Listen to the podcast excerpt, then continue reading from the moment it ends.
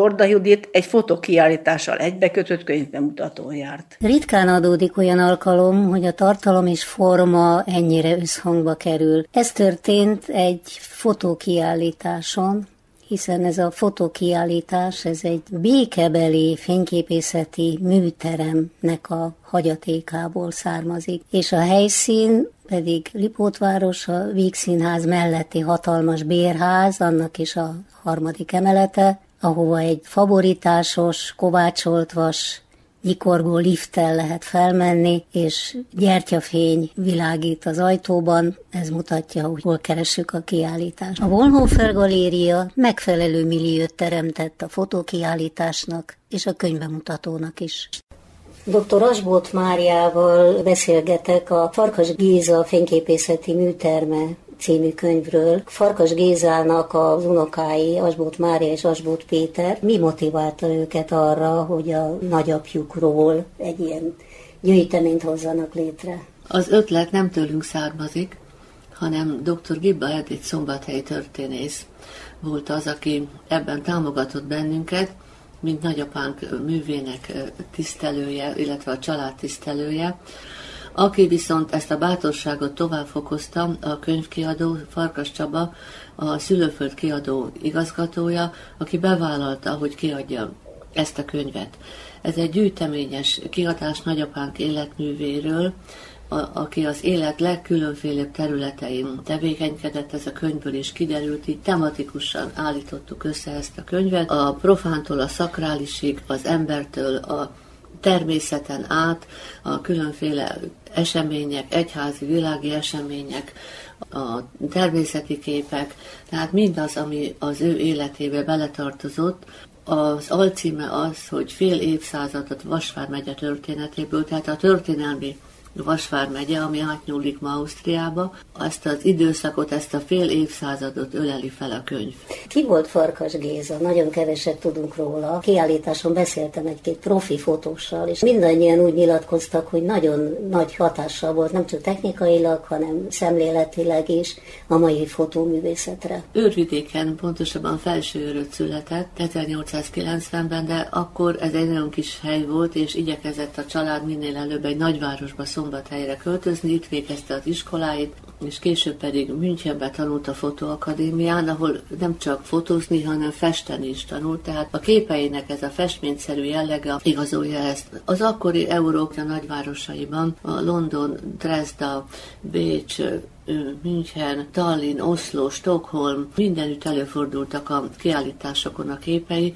1912-ben a Kodak cégtől kapott egy egy asszisztensi meghívást, mert egy olyan sikeres pályamunkát nyújtott be egy, egy fotógyűjtemény, hogy a Kodak cég asszisztensnek hívta, de aztán ugye ez 13-ban, 14-ben realizálódott volna, de akkor közbeszólt a háború, tudósító volt, mai szóval fotóriporter, a tényleges harcokban is részt vett. Orosz fogságba került, és onnan súlyos sérüléssel a Bécsi hadikórázban ápolták. Fel is mentették volna a szolgálat alól, ő azonban kérte az olasz frontra történő át kihelyezését, és hát a háború végéig ott harcolt a magyarok oldalán. A történelem többször is beleszólt az életébe, és többször kellett újra kezdenie. Igen, hát az első ez a Kodak cégnek a Kodak cég lehetőségétől való elesése, de hát ez kibontakozott később a, a tehetségében, amit soha nem, soha nem nagyképűen és ki, hanem én vagyok formájában kezelt, hanem mindvégig nagyon szerény ember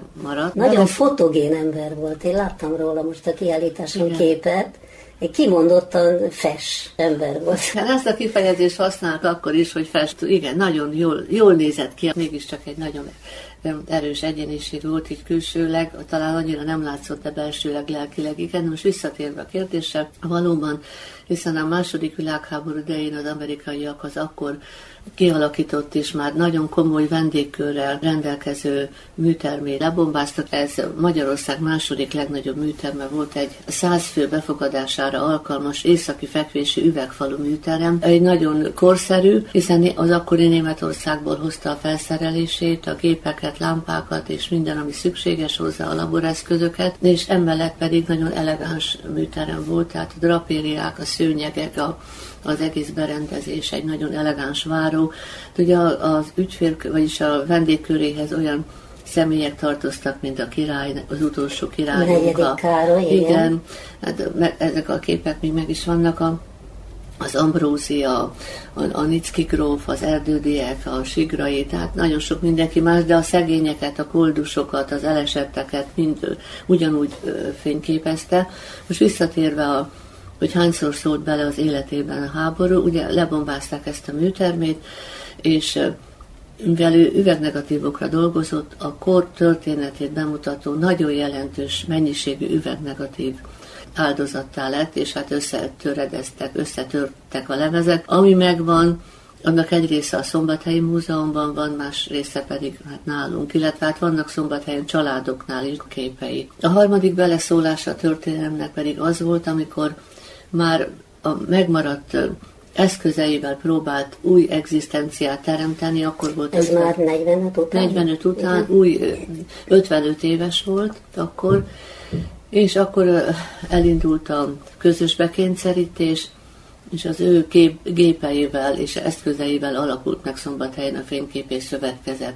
Hát ez, ez borzasztó csapás volt számára, hogy amikor már nem tudta ezt a közös munkát, ami teljesen más volt, mint az ő személyes elköteleződése, a, a fotózás, a művészet mellett, tehát szép képeket. Nem azt jelenti, hogy valaki túlságosan egy, egy csúnya arcot szépé varázsolni, hanem kihozni belőle azt, ami, ami látható. Tehát ő művészi szinten készített egy igazolványképet is. Ez látszott, ez a fajta elkötelezettsége a kiállításon. Az ragadott meg engem, hogy milyen szépek ezek a képek. Igen, hát az öreg arcról is nagyon szép képeket tudott így a szó nemes értelmében készíteni.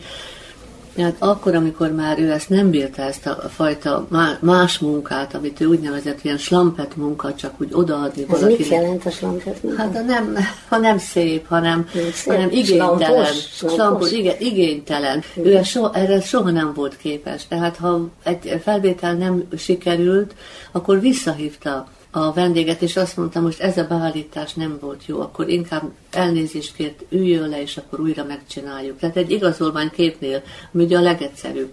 Akkor kilépett a fényszögből, megmaradt pénzén, visszavásárolta a saját berendezési tárgyainak, de csak egy részét. És azzal ott, ahol most is lakunk, az egy nagy polgári lakás volt, és annak az egyik szobájában lett a műterme, és ez volt élete végéig. Sőt, a gépeinek és az eszközeinek a a eszközeinek a sorsáról, még a, a sors talán fintora, hogy amikor édesanyám a nagyapám halálát követően bement a fényképész szövetkezetbe dolgozni, 71-ben, még szembe találta magát az apja néhány berendezési tárgyával. Nem csak a munkájában volt tartása, hanem a családban is. Mit örököltek tőle? Most nem a fényképekről, és nem a, materiális javakról beszélek, hanem szellemiségről. Igen. Hát a lelki öröksége az a mai napig is hat, nem csak ránk, de elsősorban a családra.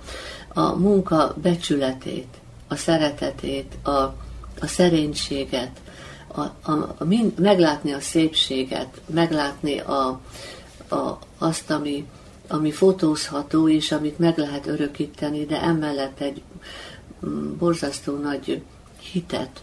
Hitet, és a szó nemes értelmében Isten hitet, ami, ami az ő lelki mészvázát alkotta, és idős korában már ugyan nem volt az a teljesen egyenes tartása, de a lelki mészváza akkor is kőkemény volt. Bármi rossz élte is, az, az életének a, az utolsó három évtizedében azért nagyon sok rossz ért el, sok megaláztatás, háttérbeszorítás, az arisztokrácia és a klérus fotósának kikiáltva ellehetetlenítették azok a tanítványok, akik az ő műtermében akkor még nagy dicsőség volt oda bekerülni, és ott tanultak, azok egy része ellene fordult, tehát nem szépen elvették tőle gyakorlatilag azt a, azt a lehetőséget, hogy, hogy megéljen de akkor is ő benne nem volt bosszúállás, nem volt az, hogy na majd én megmutatom.